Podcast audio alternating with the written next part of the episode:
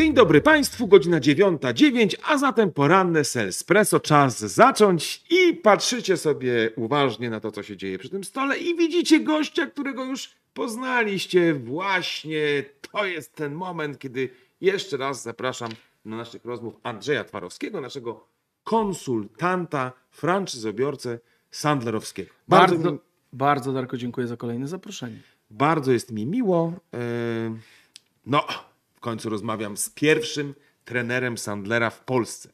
Wow! Aż nie wiem, czy się nie zaczerwieniłem. Tak naprawdę. nie przesadzajmy tej fałszywej skromności. Co prawda nigdy dość, ale jednak są granice.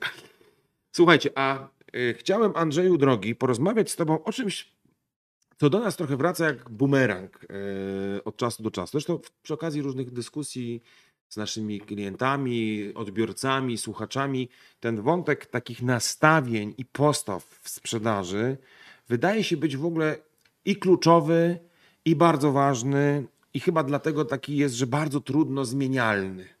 Tak jak sobie można powiedzieć, że często te kompetencje, techniki, tam można się tego uczyć, to w przypadku nastawień już to nie jest takie proste. I chciałem trochę e, zacząć tą naszą rozmowę od takiego pytania, e, zakładając trochę odpowiedź, prawda? Ale pytanie jest takie: dlaczego Twoim zdaniem, bo wiem, że tak jest, nastawienia w sprzedaży są bardzo ważne? Są bardzo ważne. Ja, ja dosyć często e, to nastawienie nazywam przekonania, Przekonania. dlatego że nastawienie, postawa, ona jest bardziej generalna. Okej, A, przekonania. e, a, a, a jak mówimy o przekonaniach, to nagle się okaże, może okazać, że to przekonanie jest bardzo takie No tak, detaliczne, przekonanie precyzyjne. to są jakieś konkretne zdania, Tak, prawda? Myśli. konkretne zdania, my, myśli. I to trochę mogę spuentować, że pogadajmy o przekonaniach jak ekonomista Z psychologii. z psychologiem. Ekonomista z psychologiem. E, chociaż Właśnie, ekonomia. Ja jestem psychologiem, tak psychologiem, sobie chociaż, chociaż ekonomia jest nauką społeczną, co nam zawsze Podobnie powtarza. jak i psychologia. Również, podobnie, także no, o, o, jakby absolwenci nauk mówi, społecznych. Ona mówi o pewnych nawykach i zachowaniach ludzi na rynku, prawda? Na I rynku. wpływ na to mają zarówno aspekt ekonomiczny, jak i właśnie psychologiczny. Ja dosyć często, jak ludzie zadają mi na szkoleniach mm, e, pytania, to mówię, to pozwólcie, że odpowiem historią. I opowiem historię. Proszę.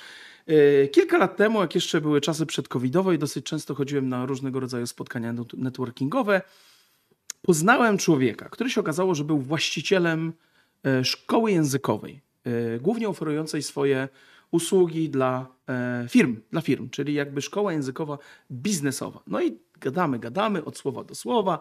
Najpierw oczywiście próbuję e, trochę go poznać, poznać jego rzeczywistość. I on w pewnym momencie, bo przeszliśmy dosyć szybko po imieniu, i on mówi, wiesz co Andrzej, w moim biznesie liczy się tylko cena.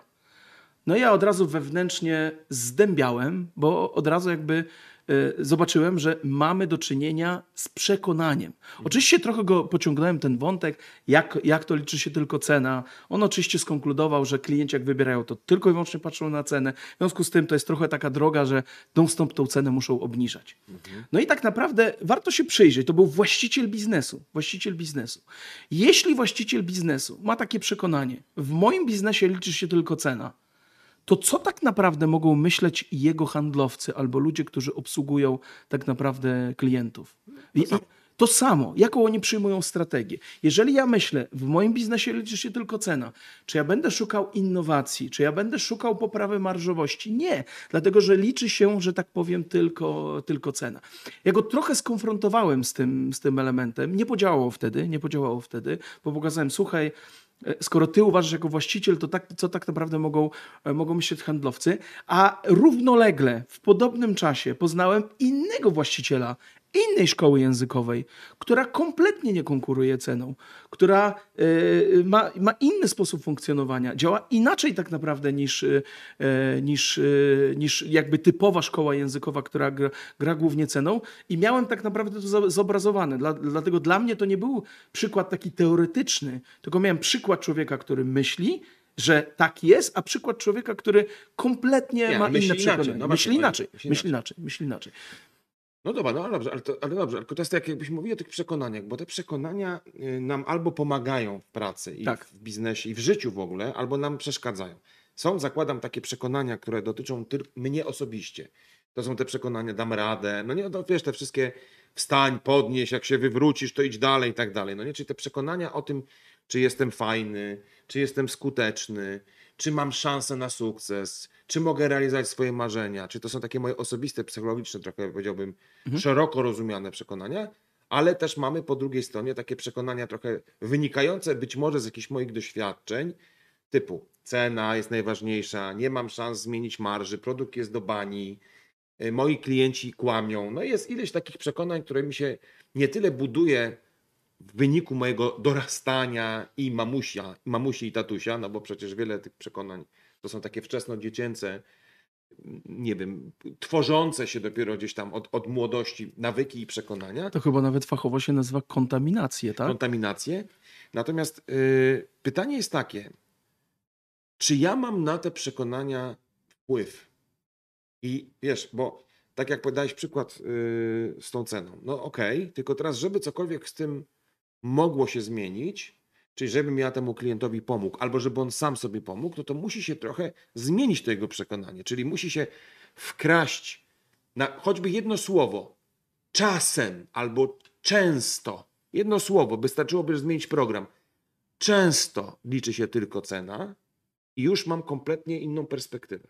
Ty, y, ty, ta zmiana słowa albo zmiana postrzegania jest tak naprawdę bardzo ważna.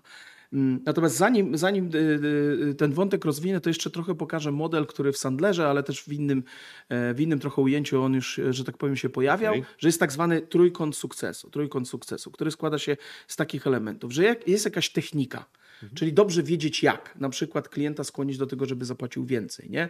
Dobrze jest tak. na przykład y, wiedzieć jak porozmawiać z klientem o budżecie, albo uwaga, co też jest y, ciekawym elementem, jak można wpłynąć na zwiększenie ceny, jak zrobić y, trudne słowo, tak zwaną monetyzację bólu, czyli policzenie, ile klienta dany, dany problem występuje. No, no, no i faktycznie większość szkoleń skupia się na tym wątku jak. I ten wątek jak jest ważny. No bo jeżeli nie wiem jak, nie mam jakby kogoś, kto mi mówi, słuchaj, to jest sprawdzona metoda, spróbuj, to, to często no, nie będę Ja tak nie, podejmuję decy- nie podejmuję wyzwania, bo nie nie, wiem, jak mam to zrobić. Dokładnie tak. Natomiast uwaga, jest to przekonanie, które mnie blokuje. Nawet czasami pomimo tego, że dostałem dobrą technikę, ktoś mi mówi, słuchaj, tak warto robić, bo jak policzysz tak naprawdę, e, ile klienta da, kosztuje na przykład nie nieudane to szkolenie językowe, to, to nagle jesteś w stanie klienta skłonić, żeby zapłacił e, więcej, to czasami to, e, to przekonanie blokuje przed kolejnym wierzchołkiem, mianowicie zachowanie. Zachowanie. Zachowanie, czyli czy ja to faktycznie robię. I teraz pewnym aspektem e, tych zachowań są te tak zwane KPI, ale tak naprawdę te zachowania z perspektywy mm, e, chociażby techniki, czy ja to faktycznie robię? Czy ja się, czy, czy ja się odważam wprowadzić temat budżetu? Czy ja w ogóle zadaję klientowi pytanie, a zastanawiał się pan, ile, ile, ile pana kosztuje brak efektów tych, tych szkoleń je, je, językowych? I nagle, nagle co, co się okazuje, że jeśli w jakiś sposób, i o tym być może warto, żebyśmy w kolejnym odcinku właśnie w jaki sposób e, to, to przekonanie zmienić, spowoduje, że ja zacznę to robić, to moje, moje, moja postawa może się tak naprawdę Tak, zmieniać. Ty mówisz o tym trójkącie. Ja, mimo że to jest oryginalnie trójkąt, to ja zawsze mam takie poczucie, że to przekonanie to jest jakiś filtr bardziej. To znaczy, że jeżeli ja wiem, jak mam to zrobić, nakładam na to filtr mojego przekonania i z tego filtru wychodzi mi zachowanie jakieś, prawda? To znaczy albo to zrobię, albo zrobię inaczej, albo tego nie będę robił. Nie dlatego, że nie wiem, tylko dlatego, że moje przekonanie jest na tyle silne. Trójkąt zakłada jakąś równoważność po prostu, a uważam, że przekonanie w tym przypadku jest takim dobrym filtrem. Okej, no właśnie, czyli kluczowe będzie, czy my jesteśmy w stanie te filtry, czy te programy, te przekonania jakoś modyfikować, coś z nimi robić i w ogóle jak to robić. Ciężki temat się szykuje, drogi Andrzeju, ale e, gdyby nam się udało rozwiązać to jakoś, to bylibyśmy nieźli i docenieni. Jak wpływać według Ciebie i czy możemy w ogóle wpływać jak możemy to robić, y, żeby zmodyfikować nieco te nasze negatywne przede wszystkim przekonania, albo wzmacniać czy wdrukowywać sobie pozytywne przekonania, takie kreatywne przekonania, takie, takie wiesz, takie, które optymistycznie nas sprowadzą do celu. To jest bardzo ważny wątek, e, wcale nie taki prosty i w takich dłuższych procesach, które, które prowadzimy, to faktycznie tego wątku przekonań e, dotykamy. Według mnie krok pierwszy. E, Krok pierwszy to jest w ogóle uświadomienie sobie, jakie są przekonania, które mogą mnie blokować.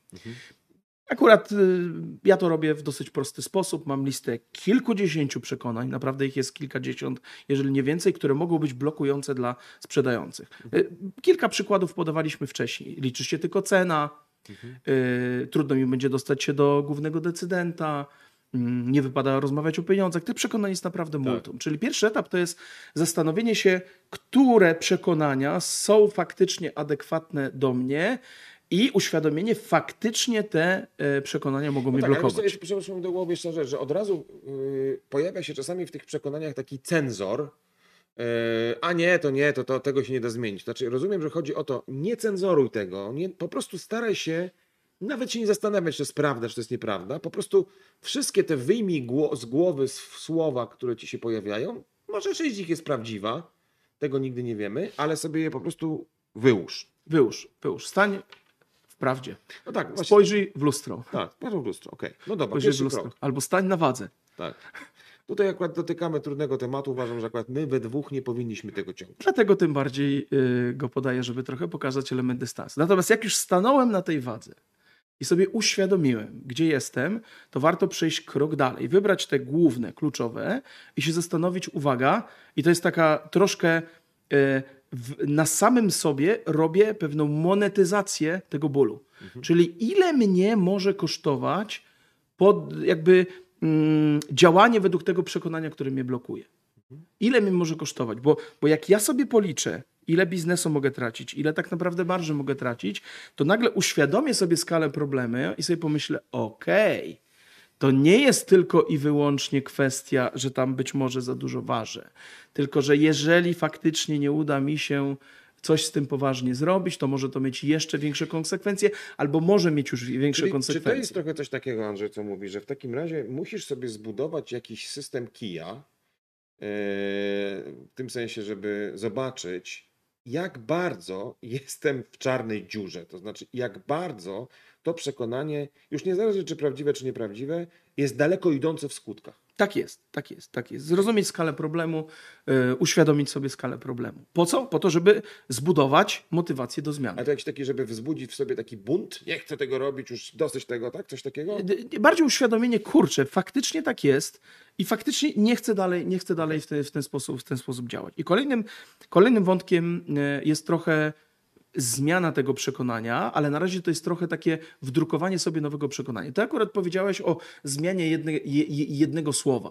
Y, Ja, ja często sugeruję trochę inne ćwiczenie, czyli jakby y, y, y, przeformuj sobie to, to, to przekonanie, które ciebie blokuje, ale nie tak, taki sposób, że odwraca się o 180 stopni, typu, że zawsze liczy się tylko cena, to no, trudno tobie będzie uwierzyć, że nigdy nie liczy się cena, no bo ta cena jednak, że tak powiem, ma znaczenie. Ale na przykład, gdybyś sobie znalazł takie nowe przekonanie pod tytułem klienci są w stanie zapłacić więcej, jeśli zobaczą w tym wartość, to pytanie, czy byłbyś w stanie zgodzić się sam ze sobą z tym nowym przekonaniem. Okej.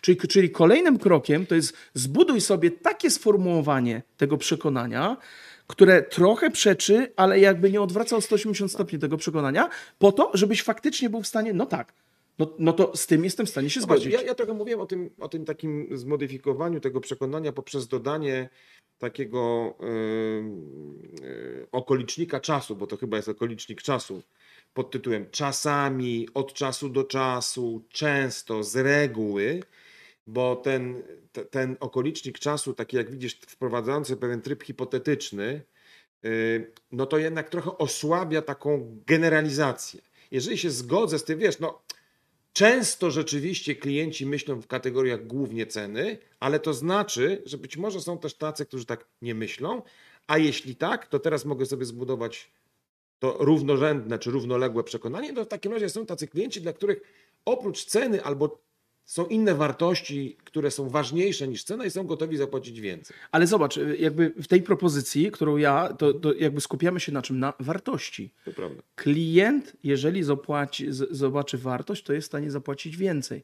a nie że tylko, że, że, że na, ja mówię, na tej cenie. po, że jest taki pośredni element, że najpierw Tak. trochę to z, z, odradykalizuj, a jak trochę to odradykalizujesz i zrobisz odrobinę miejsca, to teraz sobie możesz trochę zmodyfikować i poszukać takich alternatywnych, lepszych bardziej takich konstruktywnych przekonań. Okej, dobra. Je, jest to rodzaj afirmacji, tak? Tak to się nazywa w psychologii? Czy to afirmacja to jest bardziej jestem zwycięzcą? Nie, nie, no jest jakiś rodzaj afirmacji. No, Jest to znaczy, rodzaj afirmacji. Czyli Można tak potraktować, myślę. Y, y, Kierujemy się jakimś nowym przekonaniem, jakąś, jakąś afirmacją. Ale uwaga, no jak będę sobie tylko i wyłącznie w głowie powtarzał, jak klienci zobaczą wartość, to są w stanie zapłacić więcej, no to wiadomo, że to nie zadziała. Nie zadziała. W związku z tym warto, wracając de facto do tego trójkąta sukcesu, zobaczyć, co ja mogę zrobić, żeby faktycznie to zadziałało. No to, no to dochodzimy do tej techniki. To jednak, jak, jak już mam tą świadomość, że jest wyzwanie, jest przekonanie, które mnie blokuje.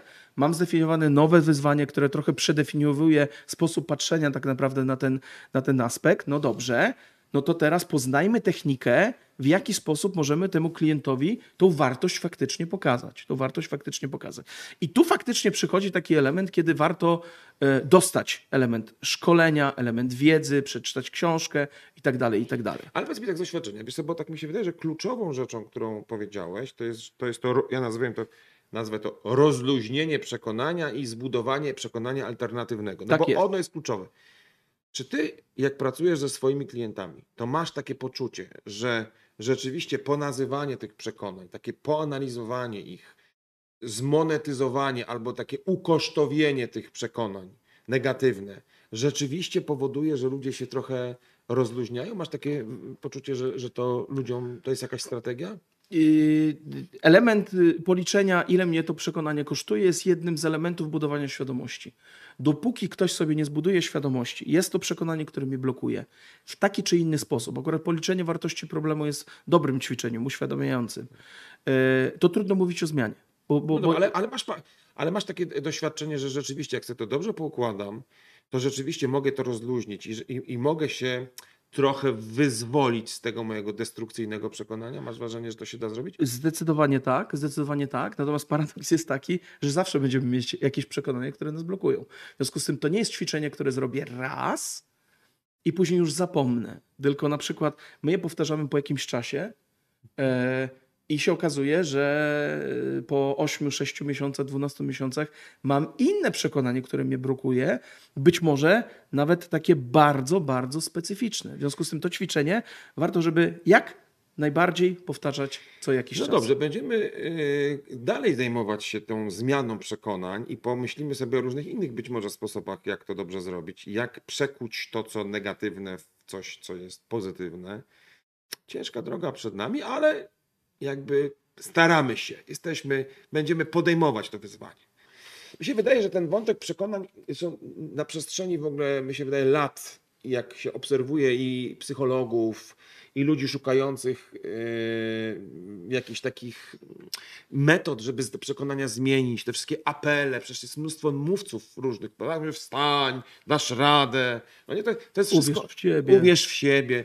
To, I wcale się tego tak bardzo nie nabijamy, ale to po prostu jest jakaś próba wpływania na te nasze przekonania i mi się wydaje, że są ludzie, którym, którzy często tak mają, że jak widzą na przykład, nie wiem, człowieka sukcesu, który mówi, słuchajcie, miałem podobnie jak ty, nie wierzyłem w siebie, a nawet gorzej, ale zrobiłem krok i to patrzcie teraz na mnie, czyli takie trochę odniesienie się do, mówię, kurde, no tak, ja mam podobnie, to, no to ja spróbuję. Stąd takie spotkania czasami z takimi inspirującymi ludźmi potrafią naprawdę wiele rzeczy, rzeczy w życiu zmienić. Ale ja to bardzo wierzę w to, że jednak te przekonania, żeby zmienić przekonanie, muszę najpierw, kurczę, dotrzeć do źródła tego przekonania. Mam takie poczucie, że jestem takim psychologiem oldschoolowym z takiej starej szkoły, że najpierw musisz przepracować coś ciężkiego, dojść do tego, skąd to przekonanie, jakie doświadczenie życiowe cię doprowadziło do takiego przekonania, co się w twoim życiu wydarzyło, dotknij tego, zobacz jak bardzo jest to absurdalne i nierealistyczne, bo dotyczy innej sytuacji.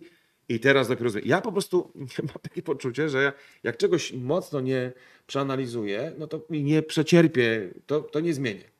I to jest wątek, który y, poruszam, bo mówię, że jeżeli jesteście już świadomi tak naprawdę przekonań, które was blokują, to uwaga, na koniec dnia prawdopodobnie dotrzemy do mamy i taty. No tak, Do no mamy tak. i taty. Ale tutaj w tym celu, wiesz, no dlatego to, e, wiesz, ta instytucja coacha, psychoterapeuty, psychoedukatora często jest nieodzowna, bo bardzo trudno jest, sam wiesz, dotknąć e, jakichś takich swoich przekonań samodzielnie, tak? albo do źródeł tych przekonań. Nie? I, I jest trudno, natomiast ja to konkluduję i to jest sposób pracy, który możecie załatwić, to docieranie do źródła, docieranie do sedna, jakie doświadczenie życiowe, z czego to się bierze, próba jakby zrozumienia, być może jakby odrzucenia i tak dalej, i tak dalej, to to jest praca, którą możecie wykonywać z psychologiem, psychoterapeutą, a ponieważ ja nie jestem psychologiem i terapeutą, to, To ja nie pokażę, to nie ze mną. Ja jestem, ale nie ze mną, bo może się okazać, że więcej szkody przyniosę wam z moim e, rozdętym ego i narcyzmem niż pożytku. Ale za to jest jeszcze jeden sposób, który chciałem powiedzieć.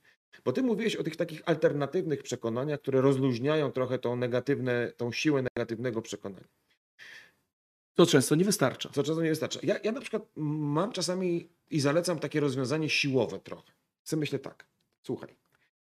Okej, masz fatalne przekonanie, czy silne przekonanie, że cena jest po prostu absolutnie jedynym kryterium, jakie sobie możesz w ogóle wyobrazić i klienci w ogóle się tym nie, nie zajmują się niczym innym. Okej. To moja propozycja jest taka. Miej to negatywne przekonanie, ale siłowo spróbuj zastosować jedną albo dwie techniki, które ci podrzucam. Nie wierząc w nie. Absolutnie nie wierząc, ale umów się ze mną i ze sobą samym, że to po prostu zrobisz. I wtedy wydaje mi się, że od czasu do czasu możesz uzyskać taki dowód na to, że nagle mimo tych negatywnych przekonań coś zadziałało i cię zadziwiło. Czyli, że ja nie zmieniam swojego przekonania poprzez jakąś pracę nad tym przekonaniem, tylko poprzez wrzucenie mnie w sytuację, w kiedy ja muszę jakoś zareagować, osiągam drobny sukces i to jest według mnie też jakaś sensowna metoda, czyli małymi sukcesami dokonuję takiej, on, to, to jednak działa, są jakieś, są jakieś wyjątki od, mojej, od, mojego, od, mojego, od mojego myślenia. I ty to nazywasz rozwiązaniem siłowym. Ja to Tak. nazywam, pytanie, czy to tak faktycznie w psychologii powinno być nazwane, e, e, takim rozwiązaniem behawioralnym, behawioralnym, czyli bazującym No, użyłeś pięknego określenia. na, na, Psychologo, na, psychologowie behawioralni byliby bardzo dumni i przyklasnęli być. Y, I, i, i jak, jak to działa? I tu mam bardzo fajny, konkretny, realny, realny przykład. Jesteśmy na etapie początkowym procesu y, rozwoju, czyli bardziej jesteśmy na etapie pokazywania wiedzy i technik. I rozmawiam w trakcie szkolenia z jednym z uczestników. E, To chyba była rozmowa bodajże przy wątku podejmowania decyzji i zadaję takie pytanie menadżerowi jednej firmy, który też jakby odpowiada za procesy sprzedażowe. Mówię tak, Bartek, czy wy jak jakby oferujecie swoje usługi, rozmawiacie z klientem, czy wiecie z kim konkurujecie? A Bartek mówi, nie wiemy. No to zadaję pytanie, a czemu nie wiecie? Bo nie pytamy. A czemu nie pytacie? Bo klient nigdy by na to pytanie odpowiedział. Ja mówię, okej, Bartek, a próbowałeś? Nie próbowałem. No to teraz ja powiedziałem, i akurat to bardzo inteligentny y, człowiek, powiedziałem, Bartek, mamy do czynienia z przekonaniem. No bo tak naprawdę masz przekonanie, że klient nigdy nie odpowie i nie jesteś w stanie powiedzieć rzetelnie, że to przekonanie jest prawdziwe. czy Zrobiłeś nie. 36 prób i Tak żadna się nie uda. No i Bartek widać, że zrozumiał intelektualnie. Ja powiedziałem, to zróbmy taki eksperyment. Zadaj 10 razy to pytanie klientowi i zobacz tak naprawdę, jakie są efekty. I zostawiłem z tym Bartka. Zostawiłem Bartka, bo ja też uważam, że ludzie faktycznie się uczą, jeżeli mają też pewną autonomię tak naprawdę w tym uczeniu. To znaczy rolą tego trenera, coacha, konsultanta jest czasami, żeby gdzieś tam jakby wbić pewną szpilę, żeby kogoś zmotywować do działania, ale na koniec dnia pewna autonomia ma znaczenie. I ja Bartka z tym zostawiłem. No i mniej więcej po pół roku robimy podsumowanie i zadaję pytanie, jakie są efekty, co wam to dało i Tak. tak dalej, i tak dalej. I Bartek się zgłasza i mówi tak, słuchaj, wiesz co, zacząłem zadawać to pytanie o konkurencję. Ja mówię, no i co? I zaczę, za, zdarzyła się rzecz zadziwiająca. Ja mówicie, co się zdarzyło? Większość klientów nie miała żadnych problemów, żeby mi powiedzieć, z kim konkurujemy. To ja mówię, Bartek, pięknie, pięknie. I uwaga, i, i jakby to dokładnie zadziałało to, o czym Darku przed chwilą powiedziałeś. Tak, że- on, on, on uwierzył w to, że może zadziałać wbrew swojemu przekonaniu, był na tyle odważny, żeby to faktycznie zrobić i zobaczył, że to przynosi pozytywny Wie, efekt. No, to jest świetna postawa, o której mówisz, bo w tym jeszcze jest takie myślenie, okej, spróbuję, prawda? Czyli może nie mam wiary i przekonania, ale zaufam temu i spróbuję to zrobić. Bardzo dużo jednak ludzi y, handlu, jak ma przekonanie, że coś nie działa, to raczej ma myślenie, Sami tam możesz gadać, gówno się na tym znasz. To się nie sprawdzi u nas w branży. No właśnie. Nasza I- branża jest specyficzna. Tak, no to mówisz, specyficzna, nietypowa, nasi klienci są specyficzni. O tej specyficzności już żeśmy tu parę razy rozmawiali. Ale dokładnie tak. Więc no przynajmniej mamy trzy sposoby na to, żeby popróbować trochę... I tu jest jeden ważny wątek, bo teraz uwaga. Jeżeli jestem w otoczeniu, w środowisku, które mówi, że się nie da, ludzie tak się nie zachowują, to to środowisko, jakim się otaczam, ma bardzo duży wpływ, czy ja będę gotowy zaeksperymentować, czy też nie. W związku z tym y, czasami bardzo dobrym ćwiczeniem, ja w ogóle jestem bardzo dużym zwolennikiem tak zwanych szkoleń otwartych, dlatego że szkolenia otwarte zakładają, że ja trochę wychodzę z własnego sosu. Tak. I ja jakby wchodzę w inny sos, w sos innych ludzi, którzy być może inaczej, inaczej myślą. I jeżeli na przykład u siebie w firmie y, tak nie działamy, ludzie mówią, że to się nie sprawdzi, że to nie działa, a spotykam się z gronem ludzi, którzy mówią, warto zadawać pytania o konkurencję, bo nawet jak klient ci powie to i tak, i tak, to jego nie zmusi tak naprawdę do podjęcia danej decyzji, to jestem bardziej ośmielony, żeby zaryzykować i faktycznie to nowe zachowanie pokazać i trochę zaeksperymentować. No tak, czyli to jest trochę to, co mówisz, że czasem po prostu warto posłuchać ludzi troszeczkę z, in, z, innej, z, innej półkuli albo z innego kręgu. Tak. Prawda? Czyli trochę wy- wy- wyjść z tej strefy takiego, takiej, którą znam, spośród tych ludzi, których znam, bo my się często nakręcamy w tym sosie, prawda? Nie da się, nie da się, nie da się, nie da się, nie da się. Dobra, a e, da się czasami, nie zawsze, ale często się da i będziemy kontynuować ten wątek, czy się da, czy się nie da. E, No już za jakiś czas, niedługi.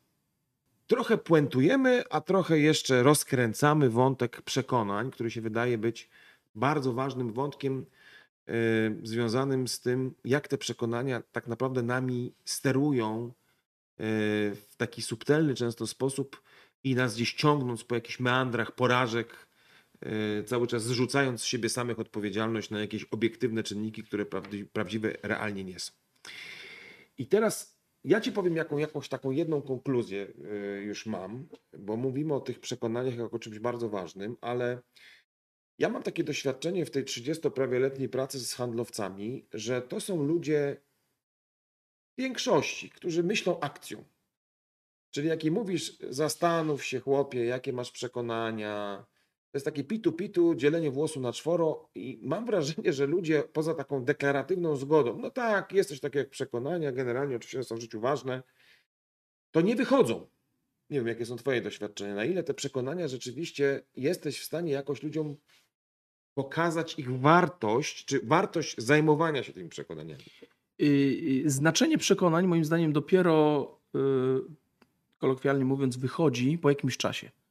Czyli jakby na początku ludzie y, po pierwsze szukają tych technik, szukają sposobów, szukają metod. Tak. Są pozytywnie nakręceni tymi wszystkimi metodami, które my też uczymy. Kontraktu, odwracanie negatywne, negatywna projekcja. No w ogóle są, że tak powiem, zakręceni. Ale później faktycznie y, coraz bardziej myślę, że sobie uświadamiają, że, y, że to, czy, czy, czy, czy faktycznie to im pozwoli wejść na wyższy poziom, nie wiem, sprzedaży, marżowości, że szybciej będą tak naprawdę te procesy zamykać, to, y, to, to ma znaczenie, że coś ich blokuje, coś ich ciąży. I to y, ten element świadomości to faktycznie od tego nie zaczynamy, absolutnie. Zaczynamy bardzo klasycznie, żeby ludzi trochę otworzyć, pokazać, że to faktycznie jest ciekawe, jest fajne, ludzie zaczynają stosować, natomiast ten element przekonania, ona, on, on, on, on, on dochodzi. Ja, ja mówiłem, że my to ćwiczenie na przykład w takim kursie, który y, jest przynajmniej roczny, y, miałem takiego właściciela biznesu, który chyba ze trzy razy powtarzał to ćwiczenie i, i, i zresztą pozdrawiam Włodka. Y, I, i, i, i, Ja też, Włodku, Wło- pozdrawiam Włodka. Włodek, Włodek ma super palarnię kawy, jest współwłaścicielem tego, tego biznesu. I na początku miał przekonanie takie ogólne, tam coś tam o pieniądzach i tak, a w pewnym momencie dał takie bardzo własne przekonanie, bardzo precyzyjne pod tytułem e, trochę po- podam pewien jakby taki e, przykład, że moja kawa nie wejdzie na główny młynek. I teraz co, co to znaczy, że nie wej- nie wejdzie na główny młynek? Bo on sprzedaje między innymi do kawiarni. I teraz ten główny młynek to jest ten, e, w którym się robi to espresso e, z ciśnieniowego ekspresu. I i oczywiście każda kawiarnia ma jakiegoś dostawcę. W związku z tym Włodek miał przekonanie, że on nie jest w stanie wejść na ten główny młynek. I, I poza tymi wszystkimi elementami, o których mówiliśmy, żeby trochę zmienić sobie to przekonanie, żeby trochę zadziałać wbrew temu, to jeszcze taki jeden wątek pokazywałem. Poszukaj przykładów już które występowały. Na swoim rynku czy na, cud, na innym? u siebie, u siebie, które przeczą temu przekonaniu, Tak. które cię blokuje. I Włodek faktycznie powiedział, no kurczę, jest jedna, jedna kawiarnia, która sama mi się tak naprawdę o ten aspekt, aspekt pytała. W każdym, razie- w każdym razie powie, warto powiedzieć, żeby samemu można poszukać e, tych zdarzeń, tych faktów, tych doświadczeń, które przeczą temu Okej. samoograniczającemu się przekonaniu. E, A z drugiej strony, żeby, żeby, żeby faktycznie to ćwiczenie powtarzać i być coraz bardziej precyzyjnym w tym, co mnie blokuje. Okej, no dobrze, no dobra, ale to tylko pokazuje, że da się e, po pierwsze zidentyfikować te swoje przekonania i przede wszystkim da się trochę poszukać jakichś alternatyw. To jest to rozluźnienie, o którym mówiliśmy. Tak, Tak, tak. Jest taki- Czasami się da, czasami się nie da. Bo tu mam drugą historię. Okej. Gdzie się okazało, że się nie dało, ale nie dało się tak naprawdę zmienić tego przekonania, bo ta interakcja była krótka. Nie, jakby nie miała możliwości jakby pracy dalszej yy, i wpływu. I historia yy, jest naprawdę bardzo ciekawa, bo ona klasycznie pokazuje, że problem, z którym przychodzi do ciebie klient, nigdy nie jest jego prawdziwym problemem. Bo miałem jakąś konsultację w ramach jednego z akceleratorów dla startupowych i founderka, czyli założycielka tego biznesu, wraz z człowiekiem, który e, brał udział w moim szkoleniu, e, zgłosili się na konsultację. Ona do mnie mówi: Pokaż nam, jak powinna wyglądać oferta. A ja mówię, ale to ja nie, chyba nie jestem właściwym adresem. To do grafika powinniście pójść, no bo ja się nie zajmuję, jak ma wyglądać oferta, tylko sprzedażą. No bo nasze problemy ze sprzedażą zaczynają się tak naprawdę e, od momentu wysłania oferty. A ja mówię, to powiedz coś więcej na ten temat. Podaj jakiś przykład. I co się okazało? Okazało się, że y, zgłosił się do nich klient, duża firma, wielka, z wieloma zakładami produkcyjnymi. Zaprosili ich do, e, na swój show, do swojego showroomu, czyli jakby pokazali te swoje rozwiązania, a to akurat były takie rozwiązania z zakresu tak zwanego RFID, czyli identyfikacji, gdzie na przykład w halach produkcyjnych są wózki widłowe, nie? No i uwaga, uwaga, uwaga, klient na końcu tego, tego dnia, gdzie oni te wszystkie swoje klocki, te wszystkie zabawki pokazali, powiedział coś takiego. To jest dokładnie to, czego szukaliśmy. Syndrom szczęśliwych uszu, przygotowali propozycję. Uwielbiamy to słyszeć. Wstępnie zainteresowany. Nie, tam było bardzo mocno. To jest dokładnie to, czego szukaliśmy. Okej. Wysłali propozycję, klient przestał się odzywać, oni byli już zaniepokojeni i w końcu udało im się do tego klienta dodzwonić. Uwaga, co klient powiedział? Jednak nie do końca Państwo trafili w nasze potrzeby. W związku z tym ona zidentyfikowała, że problem jest w tym, samej ofercie. w samej ofercie. Coś jest nie tak w tej ofercie, bo klient powiedział, że to jest dokładnie to, czego szukaliśmy i tak dalej, i tak dalej. No jak zacząłem się dopytywać, to zacząłem się dopytywać, czy wiecie, kto podejmuje decyzję? Czy wiecie, jak wygląda, że tak powiem, proces decyzyjny? I ona w pewnym momencie taka już oburzona, bo to była duża firma, z którą rozmawiali, powiedziała coś takiego. Duży klient nigdy nam nie powie, jak wygląda ich proces decyzyjny. Ja sobie myślę, aha, no to mamy prawdziwy problem, prawdziwy problem. Ale ponieważ tak naprawdę po godzinie konsultacji nasza interakcja się zakończyła, to y, doszedłem do tego sformułowania. Ona być może nawet coś tam zaczęła myśleć, ale absolutnie to było za mało, za krótko, żeby coś była w stanie z tym przekonaniem, z tym przekonaniem zrobić. No tak, ale to trochę mówisz o czymś takim, że rzeczywiście, no, e, żeby zbudować motywację do jakiejś zmiany, musisz najpierw zobaczyć, jak bardzo destrukcyjne jest twoje przekonanie. Tak prawda? jest. Musisz zobaczyć, to cały czas mówimy o tym, że to e, i, tak I uwierzyć, że sedno jest gdzie indziej. Bo ona, ona skończyła naprawdę to spotkanie z konkluzją: OK, to skoro ty nie możesz pomóc w ofercie, to chyba nam nie jesteś w stanie pomóc. Nie? Tak, tak, oczywiście y, masz rację, bo to może jeszcze na dodatek było coś takiego, że jak my dochodzimy do tego, y, znaczy może powiedzieć tak, my często się bronimy przed tym, że to jest jakieś negatywne przekonanie, prawda? No bo to trochę uderza w takie nasze kompetencje, w naszą moc, sprawczość. No nie, jak mi ktoś mówi, pa, pani dyrektor, no sorry, ale to nie, kompletnie nie to. No to tutaj jakby jest ten element takiego, wiesz, doktora Hausa, który ma prawo powiedzieć, jak to jak jest naprawdę, ale to nie zawsze musi być miłe. Ja myślę sobie, że czasami klient nie chce usłyszeć takiej diagnozy prawdziwej, no nie? Natomiast powiem Ci, że z drugiej strony, gdyby to było tak, że to tylko wszystko zależy od przekonań e, i wystarczy je sobie nazwać, zidentyfikować, żeby je zmienić, to, to bym absolutnie nigdy nie zaryzykował takiej tezy. Uważam, że w wielu przypadkach jest coś na rzeczy, że po prostu to są trudne sytuacje, że to już nawet nie chodzi o przekonania, tylko to, że po prostu rzeczywiście bardzo wielu klientów na przykład rzeczywiście głównie myśli o cenie. Czyli wiesz, te, te, nie demonizowałbym chyba, że te przekonania stanowią tak duży procent tej, wiesz, te, tego napędu sprzedażowego. Sama zmiana tego przeformułowania przekonania nie zadziała. Jest potrzebna technika, jest potrzebne zachowanie.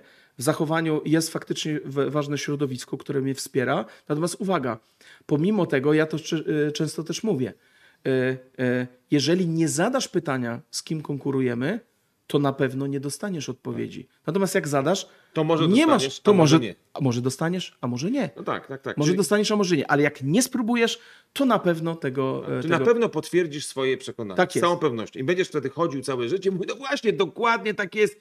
Nigdy tego nie spróbowałem zmienić i tak jest i kropka.